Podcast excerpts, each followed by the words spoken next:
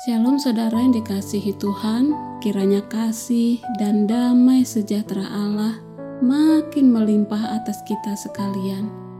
Senang menyapa saudara kembali di hari baru ini, Selasa 6 Juli, dan berbagi berkat Tuhan dalam suara pastoral GKI Kota Modern. Mari kita berdoa.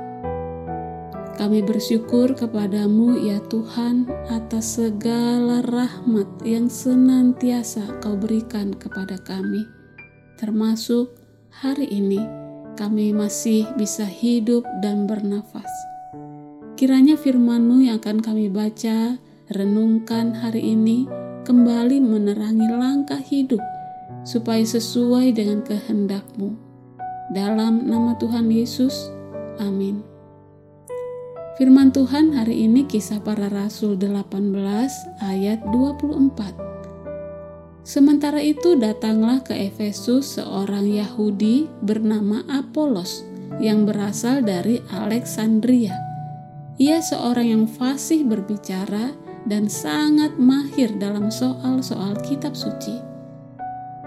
Menjadi orang yang sangat berguna sekarang kita akan melihat bagaimana seorang lain selain Paulus yang Tuhan pakai dengan luar biasa.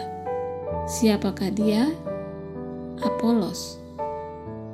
Apolos seorang muda berbangsa Yahudi, sangat terpelajar, mahir, lulusan universitas terkemuka di dunia saat itu, Universitas Alexandria, Mesir.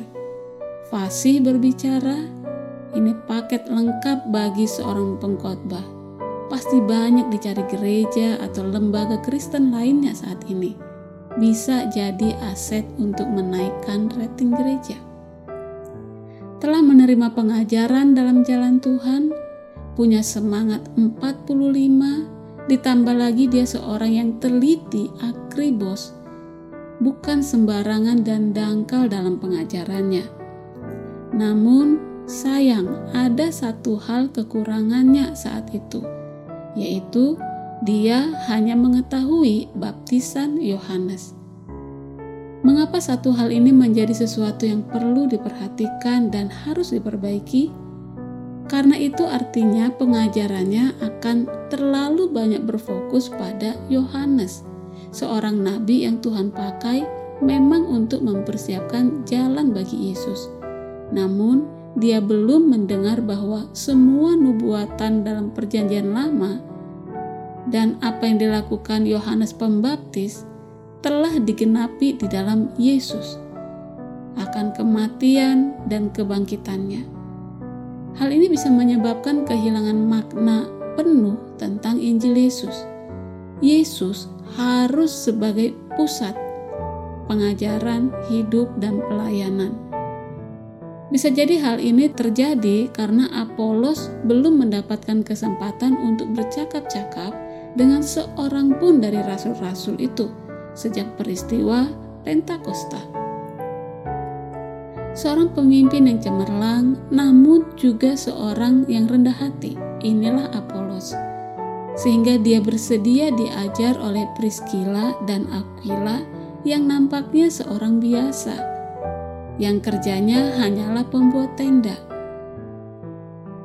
Akhirnya pelayanan Apolos semakin sempurna akan jalan Tuhan, yaitu jalan keselamatan hanya melalui Yesus Kristus. Kesediaannya untuk diajar menghasilkan sukacita umat Tuhan.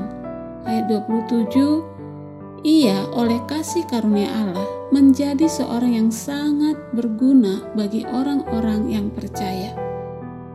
Akhirnya dia mampu memperkenalkan Yesus sebagai Mesias secara efektif kepada orang-orang Yahudi.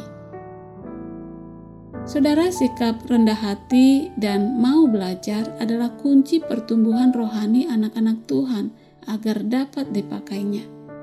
Dan Tuhan pun bisa memakai kita yang sederhana di mata dunia untuk menggenapi rencana dan karyanya maka jangan kita menganggap diri kita tidak berguna atau menganggap diri hebat sehingga tidak lagi saling membutuhkan. Melainkan mari kita bersyukur atas talenta yang Tuhan percayakan kepada kita masing-masing, seberapa banyak pun itu. Gunakan hanya bagi kemuliaan Tuhan dan mari kita saling bahu membahu. Tuhan memberkati. Amin.